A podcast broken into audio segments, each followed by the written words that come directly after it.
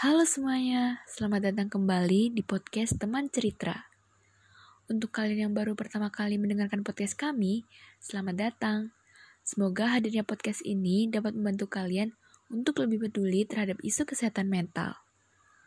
Nah, pada kesempatan kali ini, kita akan membahas sebuah isu yang bisa dibilang sangat sesuai dengan remaja nih. Namun, banyak juga di antara kita yang kurang bisa memahami tentang isu ini.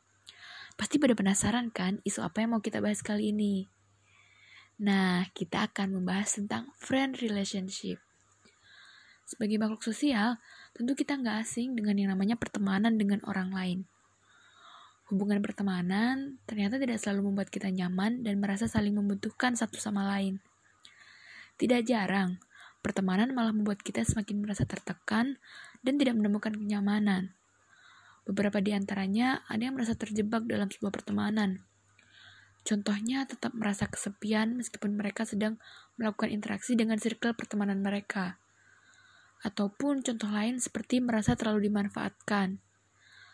Dari contoh-contoh permasalahan tersebut, terkadang mereka tidak menyadari bila sebenarnya mereka terjebak dalam hubungan toxic friendship. Nah, pada podcast kali ini kita ditemani oleh seseorang yang giving awareness juga nih dengan kesehatan mental dan gencar melakukan kampanye kesehatan mental. Nah, pasti pada penasaran kan teman cerita kita siapa malam ini? Nah, mungkin bisa kenalan nih sama teman-teman pendengar podcast teman cerita. Halo semuanya, para pendengar uh, podcast teman cerita. Hai, perkenalkan namaku Atala Herdian. Uh, aku foundernya I'm Okay. Kita merupakan sebuah organisasi yang bergerak di bidang kesehatan mental. Uh, mungkin agak mirip juga, tapi uh, target kita adalah khusus untuk remaja karena um, kita percaya bahwa uh, early prevention itu kunci untuk uh, kesehatan mental yang positif. Nah, uh, di AMOK ini sebenarnya kita juga buat sebuah platform atau wadah untuk uh, bukan hanya mahasiswa doang, tapi masyarakat siapa pun yang ingin berkontribusi untuk meningkatkan awareness terhadap kesehatan mental gitu, Cak. Oh, keren banget, keren banget ya platformnya. Nah, jadi seperti yang udah aku jelasin di awal nih, kali ini kita akan mengusung topik friend relationship. Nah, sebagai seseorang yang concern di ranah kesehatan mental juga, menurut Kak Atala, uh, apa sih kaitan antara sebuah friend relationship dengan kondisi kesehatan mental seseorang? Hmm. Nah, sebenarnya tadi kamu sempat mention sih awal-awal, naturally manusia ini kan makhluk sosial ya, tadi kamu sempat bilang. Jadi yeah. memiliki pendamping, mau itu seorang sahabat atau pasangan, itu sudah menjadi uh, bisa dibilang kebutuhan kita. Kualitas persahabatan yang positif dan berlangsung jangka panjang itu dapat memprediksi uh, aspek kesehatan mental kita dan juga emosional kita. Kemudian juga uh, kedekatan dengan orang lain dapat meningkatkan harga diri kita sebenarnya. Ini berperan dalam pembentukan identitas seseorang, apalagi kalau misalnya uh, kita punya sahabat nih, kita udah kenal lama banget, pasti interaksi atau hubungan kita bersama dia tuh membangun karakter kita masing-masing gitu loh banyak banget treatment-treatment pasien dengan uh, gangguan kesehatan mental itu sebenarnya ketika diteliti uh, lagi masalahnya mereka itu karena mereka kurang ada support secara sosial dan emosional dan itu semua bisa dicari di seorang sahabat gitu. Jadi uh, bisa disimpulin kaitannya ini sangat erat ya kak ya? Iya betul banget.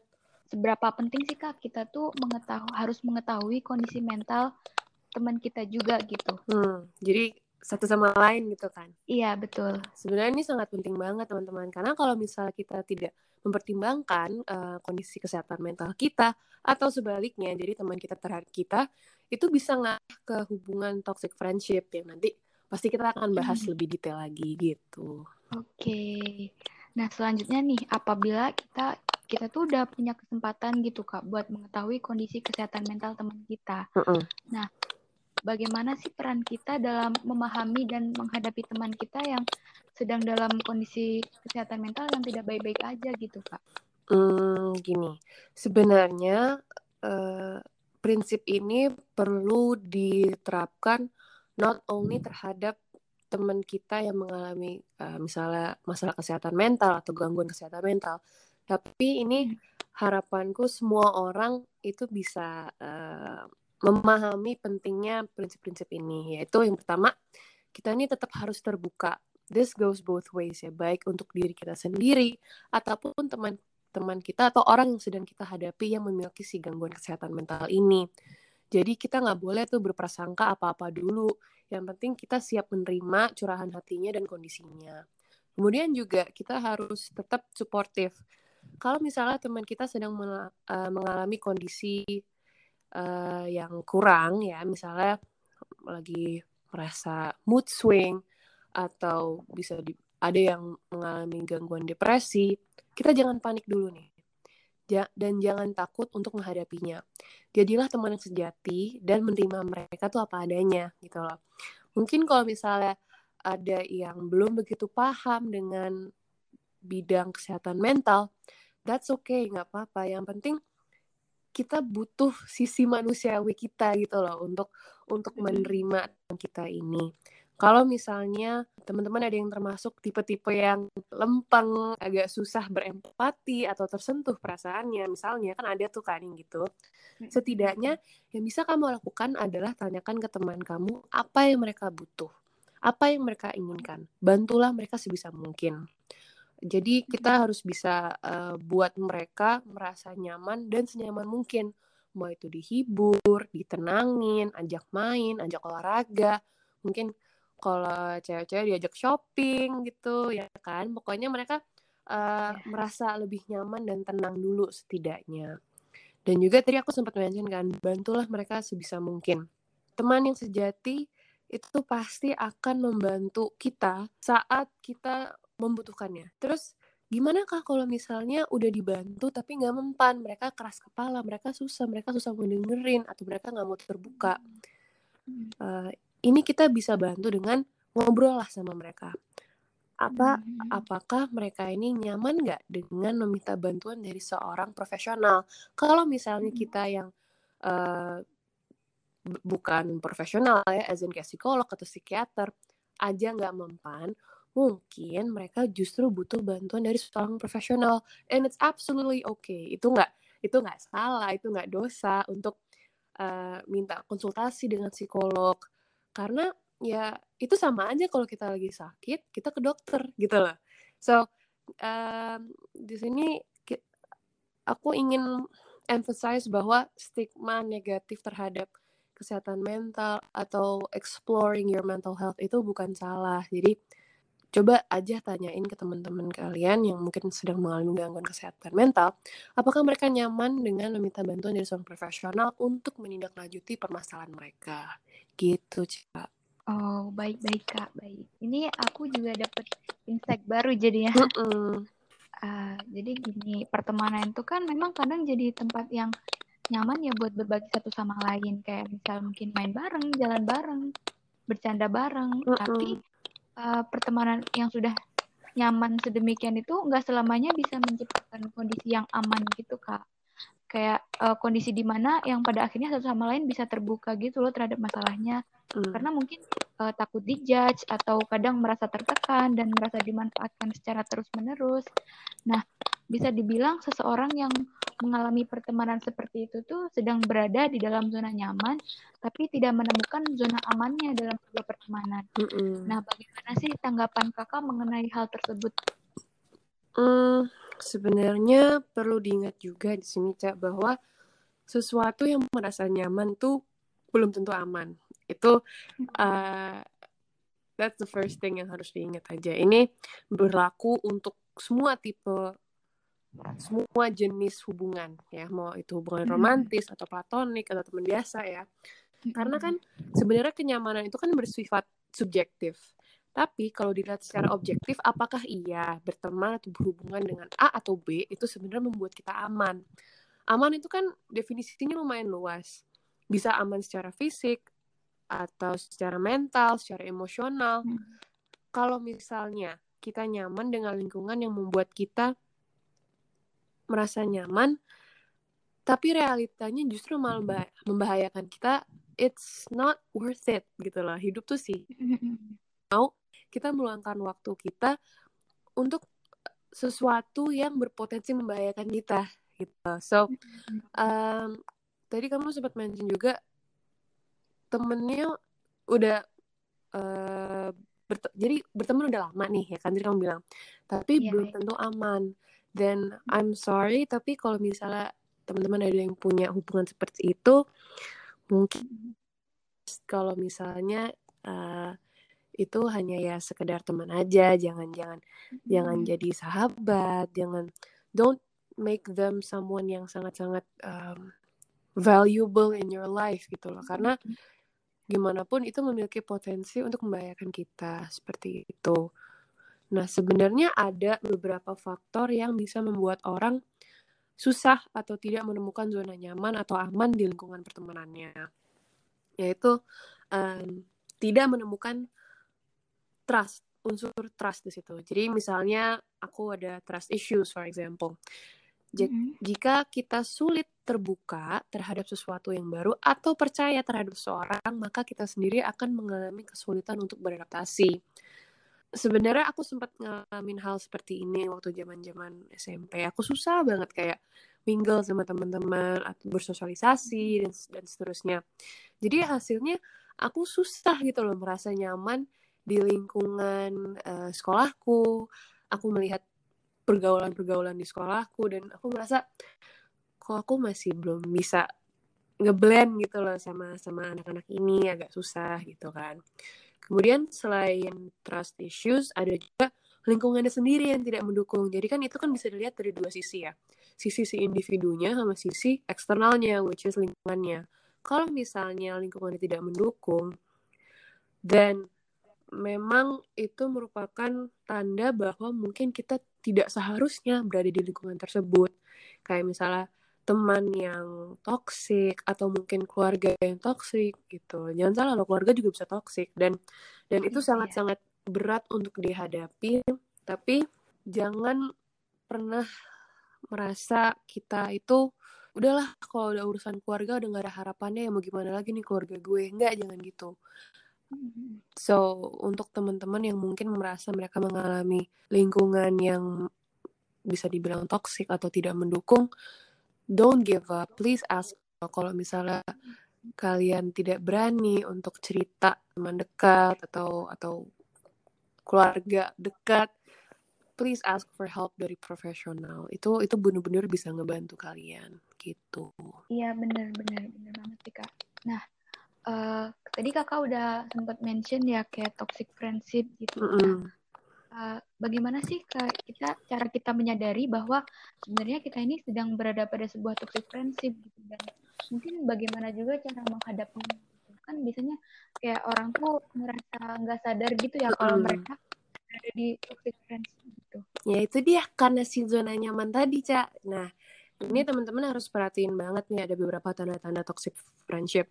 Tapi sebelum aku nyentuh ke situ, sekedar tahu aja sebenarnya toxic friendship itu apa sih?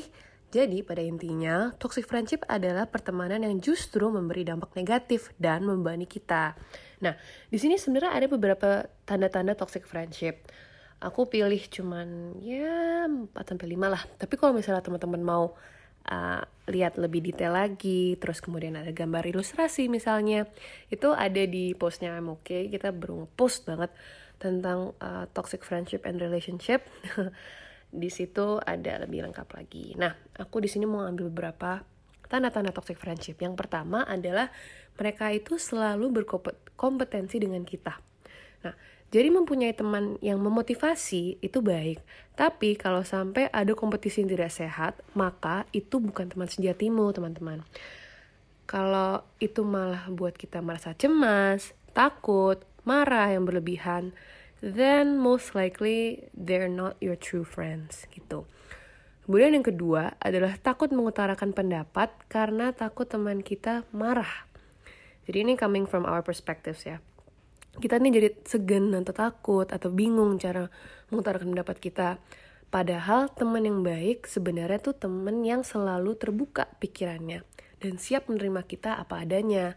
mereka nggak mudah nilai kita juga gitu nah yang ketiga adalah banyak drama di hubungan kalian drama-drama yang nggak begitu penting juga sih sebenarnya jadi kayak petty fights hal-hal kecil yang dipermasalahkan kayak misalnya yang kayak eh kalau nggak nge-repost gue sih? Kalau nggak nge-tag gue sih di story? Padahal itu kan cuman it's just a story it's just social media dan mereka merasa kok kalau nggak nge-tag gue? Berarti gue bukan temen lu ya? Jadi apa ya hal-hal kecil yang sebenarnya tidak sesignifikan itu tapi mereka justru malah ya mempermasalahkan dan bahkan uh, besar-besarin gitu loh masalahnya itu yang ketiga dan yang keempat adalah teman yang selalu mengkritik nih teman-teman harus tahu perbedaannya constructive criticism atau kritik yang bersifat membangun dengan destructive criticism atau kritik yang bersifat menjatuhkan. Nah, jangan hanya karena dia teman dekat kita atau teman nongkrong atau apa aja deh. Kalau teman shopping misalnya, kita jadi memaklumi mereka ketika mereka mengkritik tapi malah menjatuhkan dan menyakitkan gitu. Apalagi kalau misalnya kritik yang mereka itu tidak sama sekali membantu kita untuk menjadi orang lebih baik. Itu harus perlu diingat teman-teman. Nah, lastly, tanda-tanda toxic friendship adalah kalian nih punya waktu ngobrol yang gak seimbang. Contohnya nih, ketika lagi curhat. Meskipun dia curhatnya lama, kita pasti selalu fokus mendengarkan dan bahkan dia sendiri pun juga minta kita untuk selalu memperhatikannya. Tapi ketika kita curhat, dia malah cuek dan malah mengalihkan obrolannya atau bahkan hilang karena tanda kutip sibuk gitu. Betul, aku juga setuju banget sama apa yang udah dikatain sama Kak Atala. Dan setelah aku melakukan beberapa observasi, aku juga menemukan nih ciri-ciri lain yang sering ditemui apabila kita sedang terjebak dalam toxic friendship. Contohnya, muncul rasa iri dan posesif uh, rasa iri ini mungkin uh, bisa ditandai dengan uh, rasa kompetitif tadi ya kompetitif dan apabila teman kita tuh tidak bisa menjadi pemenang lah istilahnya ya muncul rasa iri dan posesifnya tuh kebanyakan yang dari yang aku temui dari beberapa cerita dari teman aku tuh uh, kayak mereka terjebak dalam pertemanan yang harus banget gitu loh ke mana-mana sama teman yang itu-itu aja. Jadi kayak teman kita nggak mau kita tuh terlalu dekat mungkin dengan orang lain dan teman lain gitu. Terus pertemanan itu juga lebih sering menunjukkan kekurangannya daripada kelebihannya. Dan kadang pertemanan tersebut tuh memaksa kita untuk berubah. Tapi bukan menjadi diri sendiri malah menjadi orang lain. Seperti itu. Mungkin dari teman-teman pendengar podcast kali ini uh, bertanya-tanya kenapa sih kita harus membahas toxic friendship? Karena toxic friendship ini sangat berkaitan dengan kesehatan mental kita, terutama seorang remaja yang sedang dalam masa labil, mencari pertemanan, mencari jati diri. Karena dampak dari toxic friendship ini tuh bisa dirasakan langsung gitu. Dan bisa pengaruh ke kesehatan mental kita. Contohnya, uh, muncul rasa cemas, sedih, bahkan rasa meragukan diri sendiri, terus merasa disalahgunakan karena mungkin terlalu dimanfaatkan dan tidak menjadi diri sendiri. Bahkan yang parah adalah munculnya stres dan hilangnya kepercayaan. Seperti itu. Dan kira-kira menurut Kak Atala, apa sih solusi dari permasalahan toxic friendship ini? Karena menurut aku toxic friendship ini adalah masalah yang sebenarnya kita kita relate cuman balik lagi ke awal tadi kita tuh sebenarnya nggak sadar kayak gitu. Nah kalau teman-teman penasaran dengan gimana sih kak caranya kita menghadapi toxic friendship? Pertama-tama coba cek dulu deh apakah ada alasan tertentu kenapa hubungan kalian itu bisa sampai toxic? What made your relationship toxic? Ini bukan cuman untuk uh, hubungan antara sahabat atau teman, kerabat, bahkan ini juga bisa dilihat untuk hubungan keluarga dan mungkin uh, hubungan yang romantis gitu sama pasangan kalian. Nah, contohnya mungkin dia lagi ada masalah berat yang kita nggak tahu, atau mungkin dia sedang memendam suatu perasaan dan belum berani untuk mengungkapkannya sehingga itu mempengaruhi tingkah lakunya mereka. Nah, itu plus kita tidak mengetahui kondisinya, itu yang bisa bikin hubungan kalian tuh toksik karena saling tidak mengenali atau memahami kondisi kesehatan mental masing-masing. Tapi kalau memang nggak ada alasan khusus ya, berarti mereka memang ya kurang baik untuk kita sayangnya. Yang kedua adalah ubah dulu diri kita. Coba evaluasi diri sendiri dulu. Is there something wrong that I did to her or to him? Bisa aja dia bertingkah toksik karena memendam perasaan terhadap kamu yang tidak berani diungkapkan.